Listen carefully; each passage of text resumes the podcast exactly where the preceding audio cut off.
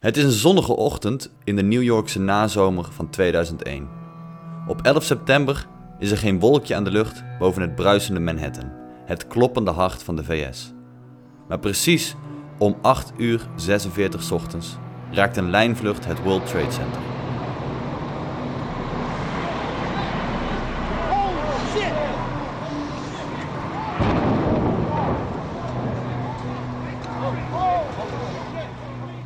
Even later weer een explosie.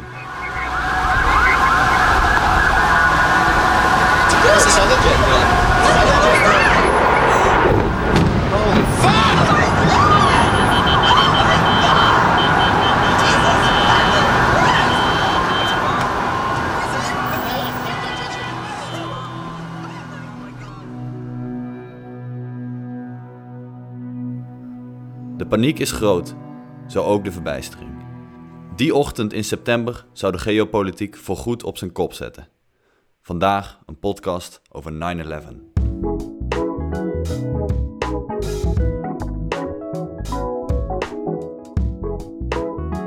Dit is met een korreltje zout. In deze podcast nemen we je wekelijks mee naar internationale obscuriteiten en geopolitieke uithoeken. Ongezouten, maar met smaak. Wij zijn Max en Auke. Welkom.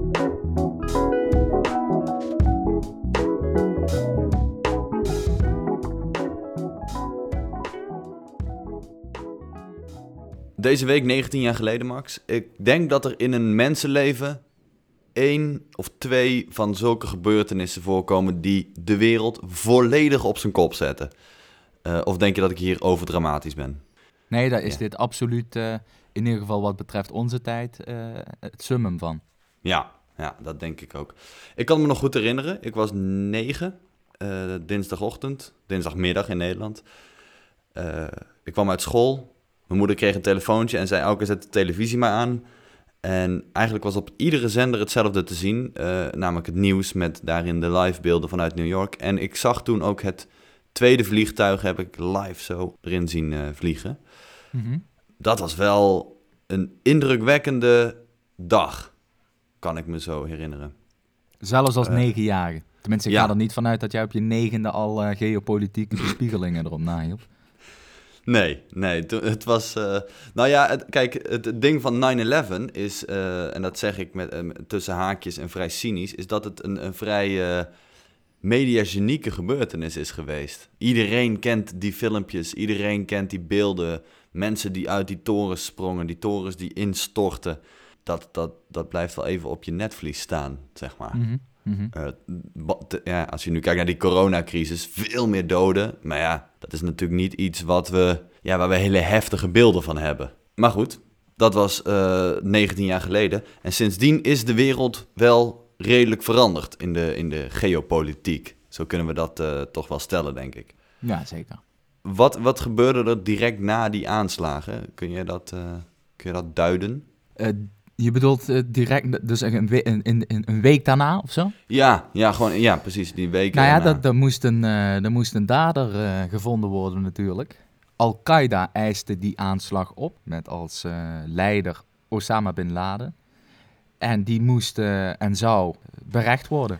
Whether we bring our enemies to justice or bring justice to our enemies, justice will be done. Is wat George W. Bush zei. Ja. En dat hebben ze vrij serieus genomen. Ja, Bush was er sowieso wel een van de one-liners. Eh, want volgens mij in diezelfde periode kwam hij met de one-liner waarin hij de, de War on Terror aankondigde. Eh, daar zullen we het zo meteen nog even over hebben. En dan kwam hij met de one-liner... Either you are with us or you are with the terrorists. En het is juist die war on terror die eh, eigenlijk, ja, zou je kunnen zeggen, tot op de dag van vandaag, ja, slachtoffers eh, maakt. Hoe Ja, want wa- wat, wat, wat is zeg maar de directe eh, consequentie geweest van die, van die aanslag in New York? Nou, ze zijn eh, Irak binnengevallen. Ze zijn Afghanistan binnengevallen. Hm. De Amerikanen dan. hè. En overigens ook meerdere NATO-legers zijn die landen binnengevallen. Hm. Ehm, en dat allemaal onder de noemer terreurbestrijding.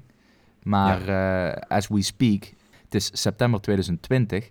zitten nog steeds Amerikaanse soldaten in Afghanistan. Het punt met die aanslag op 9-11 is dat de Amerikanen een, eigenlijk een zelf gecreëerde vijand moesten gaan zoeken en pakken. Mhm. Want Ja, uiteindelijk Al-Qaeda en de, zeker de Afghaanse tak daarvan, de Taliban, dat is een, eh, in principe een door de Amerikanen in beginsel gefinancierd en gesteund groepje anti-establishment eh, militanten. ja, oh, ja, oeh, claim. Ehm, want? Dat, Nee, ja, dat claim, dit is gewoon voor de feiten, is, dat is Ja, ja. gewoon waar. Want Ja, maar die moet je misschien even duiden. Want waarom, waarom ging Amerika een groepje militanten in de, in de bergen in Afghanistan steunen? Wat, wat zat daarachter? Nou, je, hebt, je had in Afghanistan een, eh, in de jaren negentig hebben ze een eh, inval gehad van Sovjetlegers. Nou, daar waren de, de, Af, de Afghanen natuurlijk eh, niet mee eens eh, in beginsel, of in ieder geval een gedeelte van de Afghanen. En de Amerikanen natuurlijk ook niet, hè, want de grootste vijand van de Sovjet-Unie.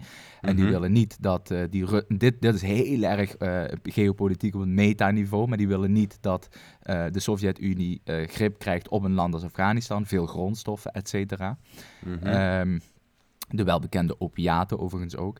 En die hebben daar eh, steun gegeven aan militaire groeperingen. Dat, dat was eerst de Mujahideen, die vochten tegen de Russen. En later is, toen de Russen weg waren en de Mujahideen uit elkaar viel, is daar de Taliban opgestaan. Dus nou, dat was een soort vertakking daarvan.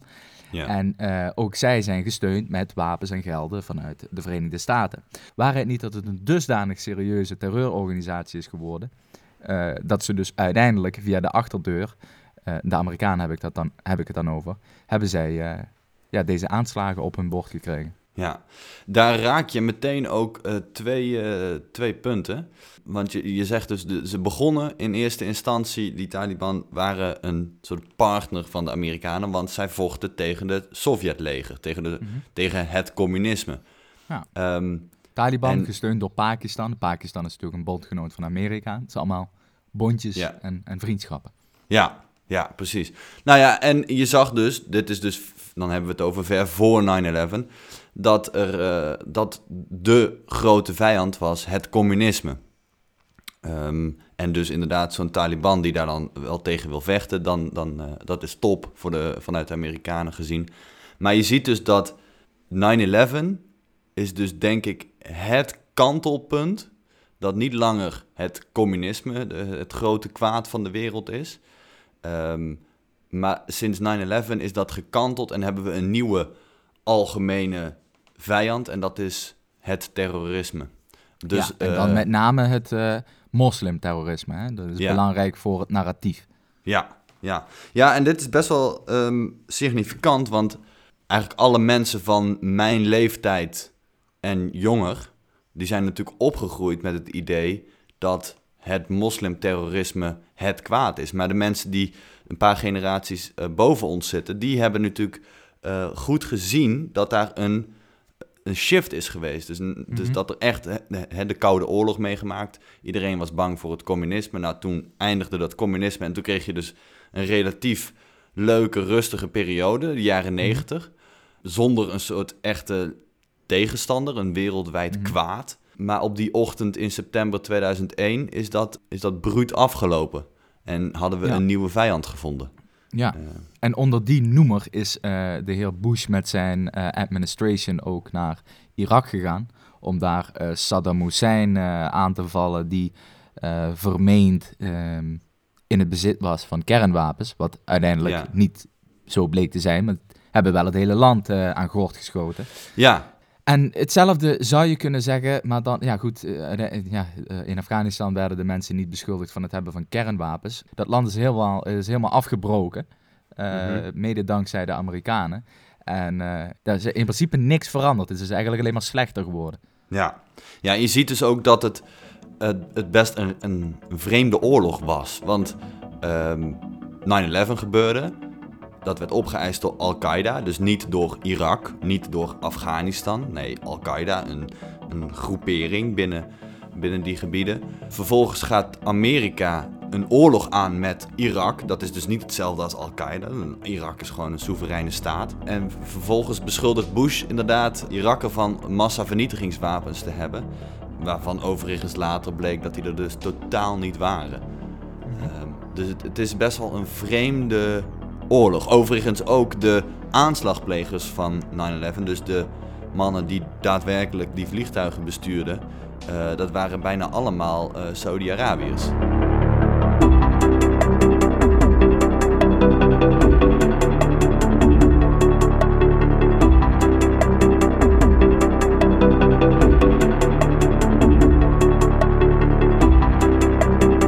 Het is een rare oorlog geweest die uh, toch wel ongelooflijk veel impact heeft gehad ja, in de geopolitiek, in, zeker in dat gebied, misschien iets minder hier in, uh, in Nederland of Europa. Hoe denk jij dat dat uh, zich ontwikkeld heeft in de afgelopen jaren? Nou ja, uh, ik denk dat Amerika natuurlijk van een koude kermis terug aan het komen is. Want die hebben wel, wel, weer gezien dat je dus niet zomaar, ook al ben je Amerika, zo'n land kunt innemen. Maar je moet je voorstellen, die regio, in die regio uh, Afghanistan ligt dan in Centraal-Azië, maar goed, in het Midden-Oosten is afgezien van Iran min of meer ieder land wel een doelwit geweest van een dictator of een oorlog of een aanval vanuit de NATO of Amerika. En nu wil het toeval dat zich in dat gebied ook gigantische hoeveelheden zeer kostbare grondstoffen bevinden. En dat maakt dit hele spel, of dit hele, ja noem het maar een spel, geopolitieke spel, dat maakt het natuurlijk wel ingewikkelder. Want als bijvoorbeeld, hè, pak, ik pak weer even Afghanistan als voorbeeld. Stel, uh, in Afghanistan lag niet al die koper, kobalt, weet ik veel, goud, ertsen, dat soort mhm. zaken, mineralen. Dan was daar geen hond naartoe gegaan. Ja. ja Want wie gaat naar Nigeria? Wie gaat naar Rwanda? Wie gaat naar niemand? Want er valt niks te halen.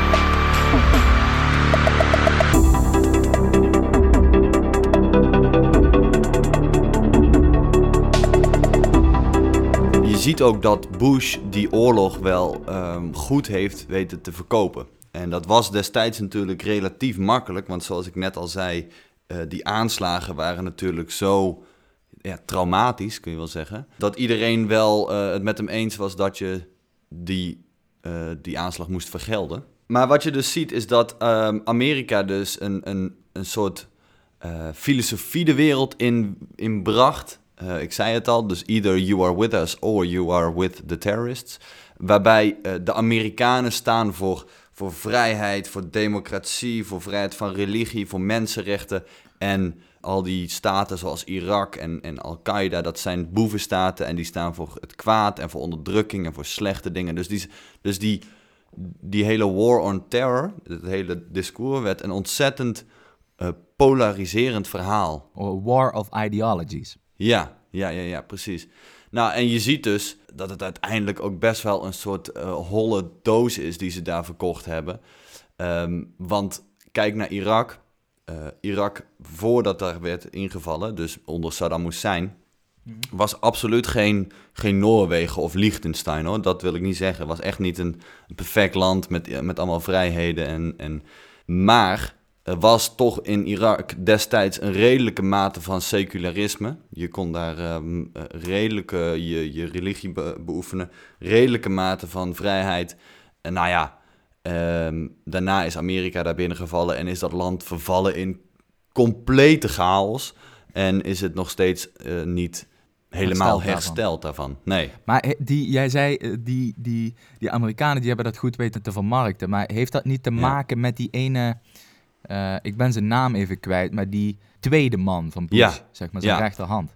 Ja, klopt. Dick Cheney was dat. Ah ja, Dick uh, Cheney. Dick Cheney wordt ook wel genoemd de meest machtige vicepresident die Amerika ooit gekend heeft. Ja. Wat uh, Dick Cheney Hij was vol met die campagne, toch? Hij ja. was vol opgevlogen. Ja, Dick Cheney is wel een, een mannetje in de categorie ratten in de, in, de, in de geopolitiek. De categorie um, ratten. Ja. Is in de geopolitiek trouwens een redelijk stevige categorie. Ja, dat is een vrij grote categorie, mannen en vrouwen. Ja, Dick Cheney heeft het vrij slim aangepakt. Namelijk toen uh, George Bush, George W. Bush moet ik zeggen, zijn presidentscampagne aan het doen was. Dus dit, is uh, in het jaar 2000, vlak voor 9-11. Ja, toen kwam Bush erachter. Ik ben gewoon veel meer een man van de show. En ik hou wel van uh, die, die, die, die rallies doen. Een beetje zoals Trump dat ook heeft. Maar echt, dat, die, ik ben niet echt een dossiertijger, zeg maar. Mhm. Ehm, en, de, en dan, ja, dan in zo'n campagne moet je op zoek naar een, naar een eh, running mate, je vicepresidentskandidaat. En daar vond hij dan Dick Cheney in. Want Dick Cheney was wel een man die hield juist helemaal niet van die rallies. En die wilde helemaal niet in die media uh, iedere dag verschijnen. -hmm. um, maar die, die hield er wel van om op de achtergrond de touwtjes in handen te hebben. Dus die, die twee hebben het uiteindelijk op een bondje gegooid. Um, en Dick Cheney zei: Luister, ik wil best jouw vicepresidentkandidaat worden. Maar dan wil ik op een aantal terreinen um, eigenlijk de volledige macht hebben. Die je dus eigenlijk als president hebt, die wil ik hebben. En dat gaat dan over uh, buitenlandse zaken en defensie. Mm -hmm. en, en dat bondje hebben ze met z'n tweeën gesloten. Dus Dick Cheney, de vicepresident, die was eigenlijk de facto de baas als het gaat om het buitenlandbeleid van Amerika. Mm -hmm. um, en toen vlogen en, die vliegtuigen aan dat gebouw en toen uh, heeft hij ja. zijn kans uh, schoongezien. Ja, toen was hij de man die daar uh, de shot called, zoals ze dat dan zeggen. Uh, en die in de, hoe heet dat, de, de, de Situation Room is dat volgens mij, in het Witte Huis. Die daar de orders gaf en zei, uh, ga maar, val maar binnen, val maar, doe maar dit. Dat was Dick Cheney. Die, die man die, die wist zichzelf heel mooi buiten de schijnwerpers te houden. Maar ondertussen heeft hij heel veel de touwtjes in handen gehad daar. Ja. Do you feel you went too far, Mr. Vice President, in, in, in in your surveillance? Absolutely not. I think what we did was was uh, one of the great success stories of the intelligence business in the last century. I think what the National Security Agency did under General Mike Hayden, working with um, CIA and at the direction of the president, was uh, was masterfully done. I think it provided crucial intelligence for us. It's one of the main reasons we've been successful in defending the country against further attacks, and I don't believe we violated anybody's civil liberties. This was all done in accordance with the President's constitutional authority under Article 2 of the Constitution as Commander in Chief, with the resolution that was passed by the Congress immediately after 9 11. And um, subsequently, we have gotten legislative authority, uh, signed up to last year when we passed a modified you, uh, FISA statute. Do you believe that the president, in time of war, that anything he does is legal?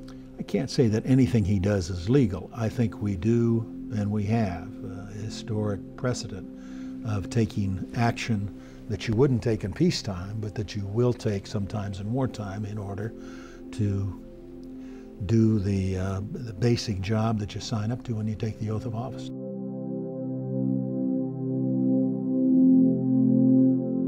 De opname van niet-westerse vluchtelingen uit het Midden-Oosten, wat dus eind, uiteindelijk door NATO-landen zelf veroorzaakt is, omdat, omdat ze daar oorlog voeren. Die vluchtelingen, daar zijn we ook wat uh, ja, minder mild mee geworden. De, de, we zijn daar scherper ja. in geworden. We zijn misschien een beetje bang geworden voor dat hele idee, die, die, die, dat, dat Al-Qaeda-idee, dat moslimterrorisme-idee. En wat ik denk dat er gebeurd is, is dat we dat die angst, die heeft zich natuurlijk doorvertaald logischerwijs in beleid. En dat beleid heeft natuurlijk uh, ten gevolge gehad dat uh, hè, bepaalde groepen gemarginaliseerd zijn. Uh, islamitische inwoners van Europa, van Amerika, die zijn gemarginaliseerd. En die sluiten zich dan vervolgens als een soort self-fulfilling prophecy weer, hè, dus in, in hele extreme, hele gestoorde gevallen aan bij een terroristische organisatie. En dan, ja. dan speelt zo'n Bataclan zich af, zo'n Charlie Hebdo. En dan kunnen we eigenlijk zeggen van, kijk nou eens even wat er gebeurt als we niet opletten. We moeten maar blij zijn dat we dat allemaal zo uh, hebben aangepakt uh, in die landen en in onze landen op die en die manier. Ja, ja je kan, ik denk dat, je, dat het geen uh, overtrokken conclusie is om te zeggen dat het feit dat nu bovenaan ieder politiek uh, prioriteitenlijstje terrorisme staat. Of, nou, de aanpak van terrorisme.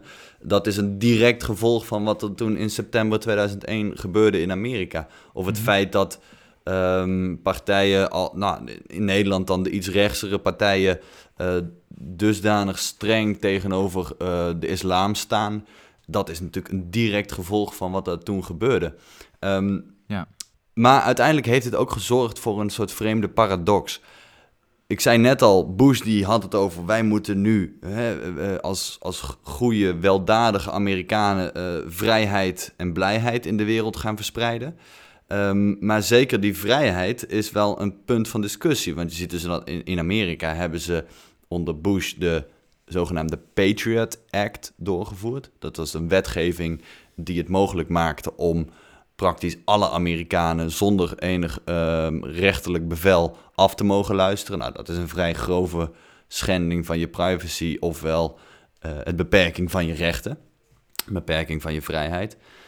Maar ja, zo zie je dat natuurlijk ook op hele concrete vormen eh, in, in Nederland. Ik bedoel, voor 9-11, als je in Amerika een, een lijnvlucht boekte van Boston naar Los Angeles, dan was dat feitelijk niet heel anders dan, dat je, dan, uh, dan, dan het nemen van een trein. Je, je kocht je ticket, je ging het vliegtuig in en je stapte er aan de andere kant weer uit. Nou, dat is tegenwoordig natuurlijk ondenkbaar. Um, zo zie je dat dat ook in Nederland natuurlijk overal die beveiliging en die beveiligingsdrang, um, die is enorm. Hier, ik, ik woon ja. dus hier in Milaan en ik zie hier op het centrale plein, rondom het plein, allemaal van die hele grote betonblokken staan. Nou, dat komt natuurlijk ook weer, dat is ook weer het gevolg van terroristische aanslagen in, in dit geval in Nice met die vrachtwagen. Nee, maar het punt is dus ook, het is, dat is ook allemaal terecht, hè, dat we die uh, veiligheidsmaatregelen hoog in het vaandel hebben. Dat er uh, zeker, hè, het Centraal Station van Milaan, hè, dat is een grote, uh, laten we zeggen, internationale plek, komen veel mensen bij elkaar. Het is natuurlijk een makkelijk doelwit voor een aanslag. En die aanslagen die worden gepleegd, snap je? Dus het punt ja. is, het is ook een hè, te legitimeren uh, gedachtegoed als je zegt, nou, we moeten wat doen aan de beveiliging. We moeten wat... Maar wat voor ons natuurlijk belangrijker is, hè, twee jongens die van bovenaf proberen te kijken naar zo'n probleem. Wij kijken het liefst natuurlijk naar de kern van het probleem. Namelijk, uh, er zijn jongens die radicaliseren. En dan vragen wij ons af, huh, waarom zijn er jongens en meisjes die radicaliseren? Mm -hmm. En dat heeft natuurlijk uh, 180.000 redenen. Maar ik denk dat het in de basis heel veel te maken heeft met die anti-islam-ideologie, die toch vanuit een soort Amerikaanse hoek uh, over de wereld uh, is komen dwarrelen. Ja. Want ja, dat, dat, dat kan niet anders, snap je? Je hebt om. Amerika had op dat moment om die oorlogen, om die invasies te legitimeren, uh, het, natuurlijk de steun van het volk nodig. Dus dan heb je een gezamenlijke vijand nodig. En dan moet je met een bepaald uh, narratief komen. Namelijk, uh, het terrorisme bedreigt ons allemaal, dus dat moet, moeten we aanpakken. Maar mm -hmm. feit is dat via de achterdeur dat narratief terrorisme natuurlijk ook in de hand werkt.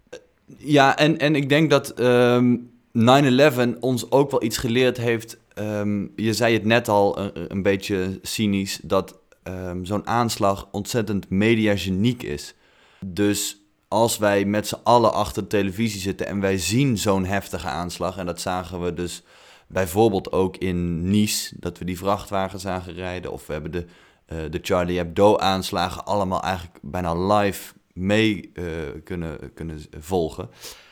Nou, dat we daarvan hebben geleerd dat, dat zo'n aanslag heel krachtig is om het publieke debat te beïnvloeden. En dat hebben terroristen natuurlijk ook door.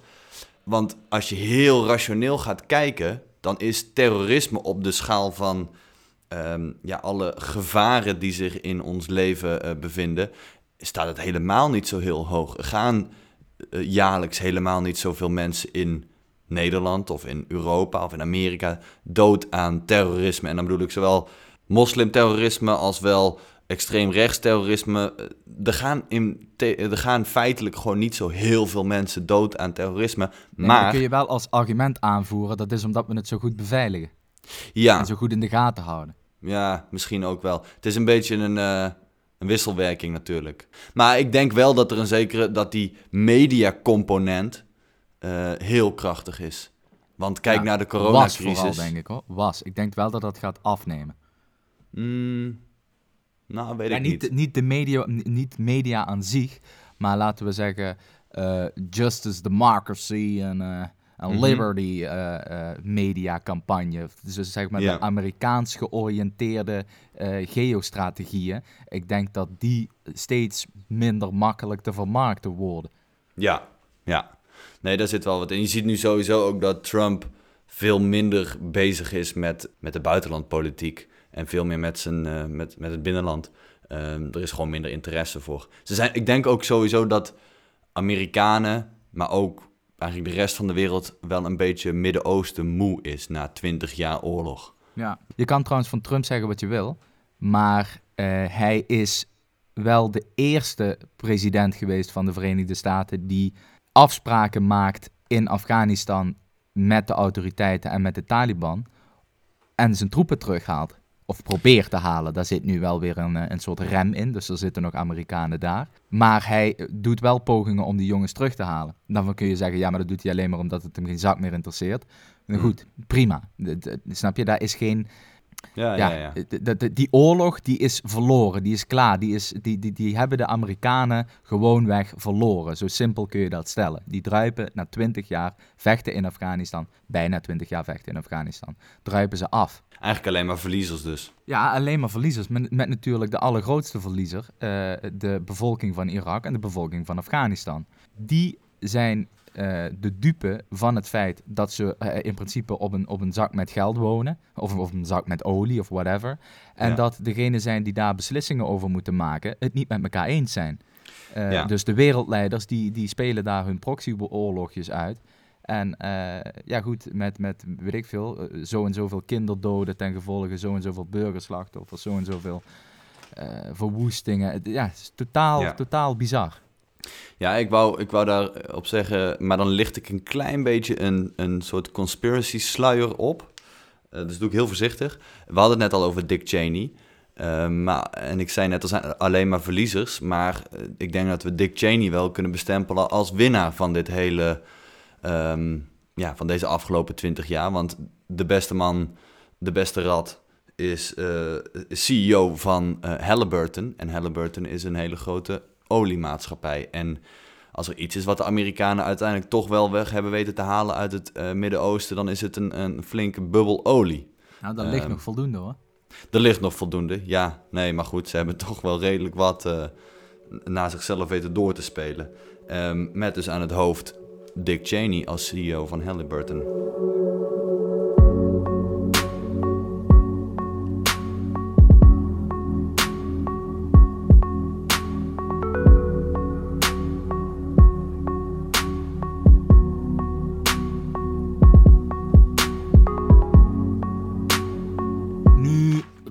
Eigenlijk op het, eh, de belangrijkste vraag van deze podcastaflevering, maar ik denk überhaupt van eh, de internationale betrekkingen.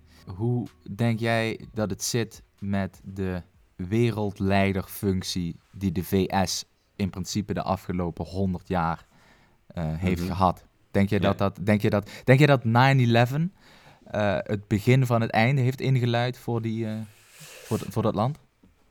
Nou, 9-11 is in ieder geval een punt geweest, een soort crossroad voor de Amerikanen, ehm, waarbij ze hun positie moesten definiëren. En wat bedoel ik daarmee? De Amerikanen hebben in die periode daarna eh, ervoor gekozen om het Midden-Oosten als topprioriteit in hun buitenlandbeleid eh, te, te hebben. Kijk, en als Amerika zijnde kun je je als, eh, hè, als president of als administratie, hoe je het ook wilt noemen, kun je op een aantal dingen tegelijkertijd focussen. Maar je kan natuurlijk maar één ding als prioriteit hebben. En de Amerikanen hebben dus gewoon 20 jaar lang, of bijna 20 jaar lang, het Midden-Oosten als topprioriteit gehad. Dat houdt in dat er andere zaken waren waar ze zich iets minder in hebben geïnteresseerd. Dus bijvoorbeeld in de opkomst van China, eh, maar ook Rusland. Nou, kijk ook naar Noord-Korea. Daar ging gewoon minder aandacht naar. En ik denk dat je nu wel kan zien. Nou, Dat ze een soort we, inhaalslag hebben gemaakt. ja, ja, dat die Chinezen nu toch wel bezig zijn met een, eh, ja, een inhaalslag inderdaad. Want als je gaat kijken naar wat was een beetje de, de, de, de politieke discussie zo eind jaren 90, begin 2000 over wie wordt de nieuwe wereldleider of blijft Amerika wereldleider, dan was wel gewoon de algemene consensus Amerika is wereldleider en die zal dat ook de komende tijd wel blijven. Nou ja, eh, spoel 20 jaar door naar eh, 2020 en die discussie is totaal anders. Ik denk dat er nog maar weinig politicologen zijn die denken dat Amerika de komende 30, 40, 50 jaar lang eh, wereldleider zal blijven. En die zullen, ze zullen veel meer kijken naar China. Dus Mhm. ik denk dat dat eh, wel een... Ja, ik denk dat dat, dat ideaalbeeld, of dat die wil van Amerika, dat valt natuurlijk, en ik heb het al gezegd, steeds moeilijker te vermarkten. Want Ja. als winnaar eh, van de Tweede Wereldoorlog uit de bus komen en dan iedereen nog in Europa een zakje geld toestoppen om alles eh, weer opnieuw op te bouwen, anticolonialistisch zijn, overal justice spreken, dat is natuurlijk makkelijk als je de winnaar bent, kerstverse winnaar.